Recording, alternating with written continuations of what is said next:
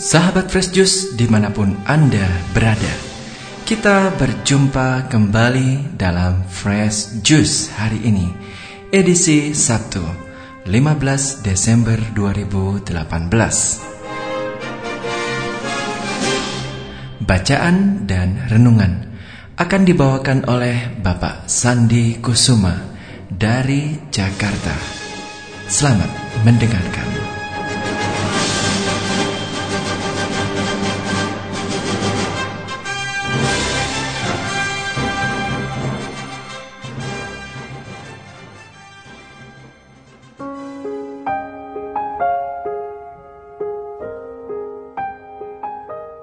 Pendengar dan pewarta Daily Fresh Juice, Injil hari ini yang diambil dari Injil Matius pasal 17 ayat 10 sampai 13 merupakan kutipan tentang komentar Yesus mengenai kedatangan Elia.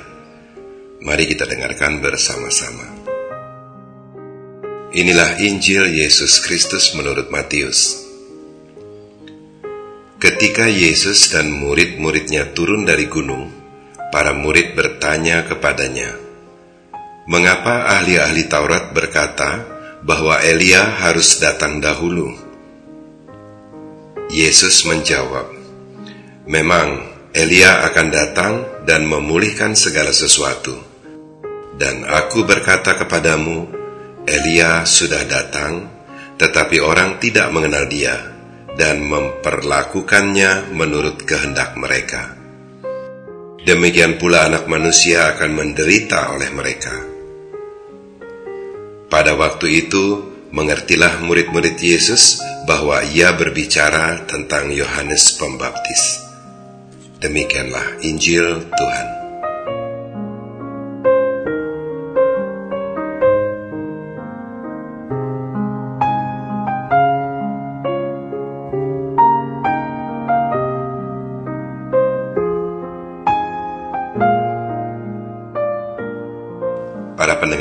Pewarta dari Fresh Juice, perjumpaan kita hari ini merupakan perjumpaan terakhir di tahun 2018 ini. Oleh karenanya, izinkan saya mendahului mengucapkan selamat Natal dan Tahun Baru 2019. Hari ini Natal masih belum tiba, tetapi nuansanya, aromanya, dan tanda-tandanya sudah bermunculan di mana-mana. Toko-toko marak menjual pohon Natal dan berbagai aksesoris lainnya. Lagu-lagu Natal pun sudah mulai diperdengarkan. Barangkali ini terjadi karena kita semua memang menanti-nantikan saatnya Natal tiba.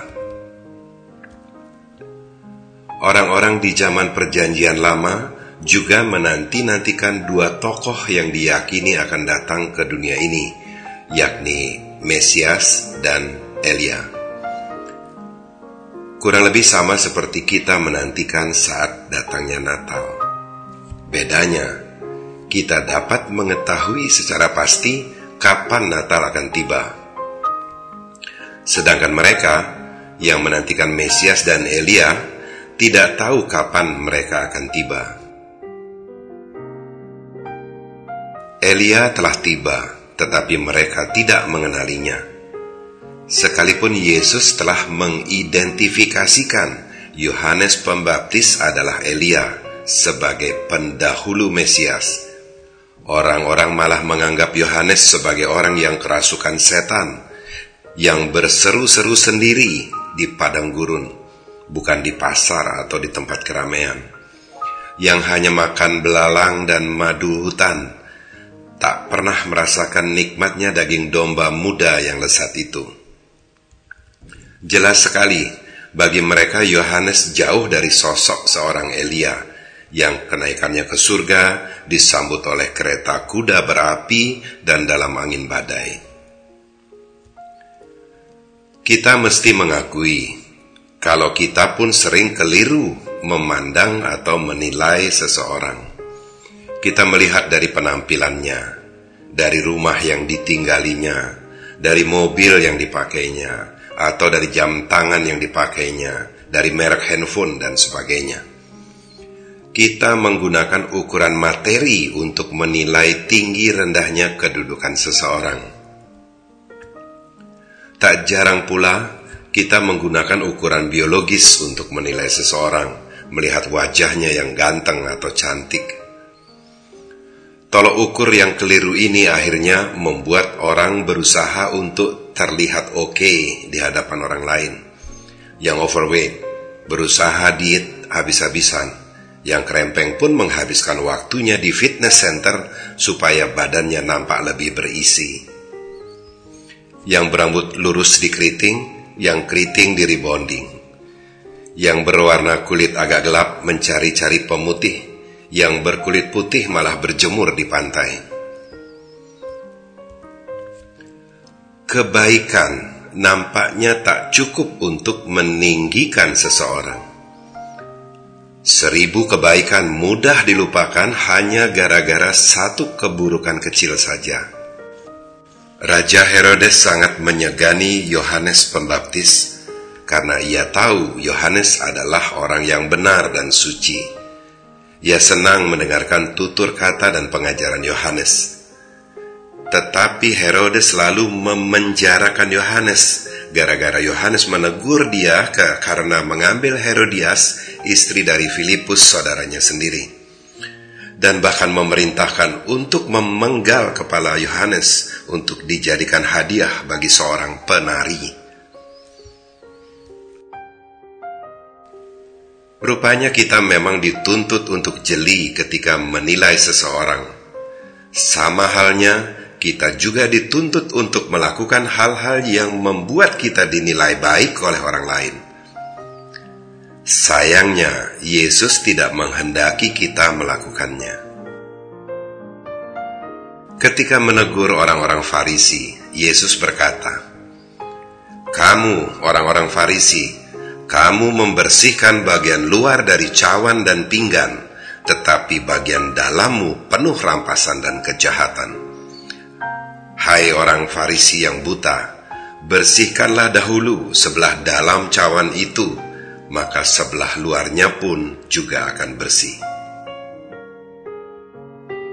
Di kesempatan lain, Yesus juga menyampaikan, "Kamu membenarkan diri di hadapan orang, tetapi Allah mengetahui hatimu, sebab apa yang dikagumi manusia dibenci oleh Allah." Para pendengar dan pewarta dari Fresh Juice, Mari sekarang kita lihat bagaimana kita menyambut datangnya perayaan Natal. Seperti apa persiapan kita? Kapan waktu yang pas untuk merangkai pohon Natal dan sampai kapan mesti dipajang di rumah kita? Sudahkah kita mempersiapkan baju baru? Makanan istimewa apa yang akan kita siapkan? Atau mau liburan ke mana? Ah, apa iya makna Natal seperti itu? Jangan-jangan pas waktunya Natal tiba, kita malah tidak mengenali kedatangannya. Jangan-jangan kita malah tidak mendengar ketika Yesus berkata, "Hei, ini aku, berdiri di depan pintu rumahmu, bukalah pintunya." Atau Yesus berkata, "Aku mau berkunjung ke rumahmu, Eh, kamu malah pergi berlibur.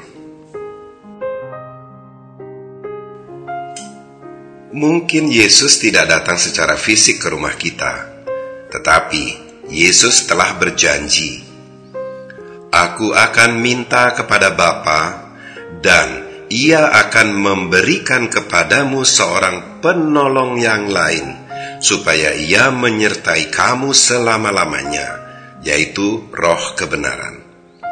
Dunia tidak dapat menerima dia, sebab dunia tidak melihat dia dan tidak mengenal dia. Tetapi kamu, kamu mengenal dia, sebab ia menyertai kamu dan akan diam di dalam kamu. Maka dari itu, marilah kita memanfaatkan masa Advent ini dengan sebaik-baiknya, agar kita layak menerima kunjungan roh penolong yang datang kepada kita, agar kita tidak lagi hidup di dalam daging, melainkan di dalam roh. Amin. Sahabat Fresh Juice, kita baru saja mendengarkan Fresh Juice Sabtu 15 Desember 2018. Segenap tim Fresh Juice mengucapkan terima kasih kepada Bapak Sandi Kusuma untuk renungannya pada hari ini. Sampai berjumpa kembali dalam Fresh Juice edisi selanjutnya. Tetap bersuka cita dan salam fresh juice.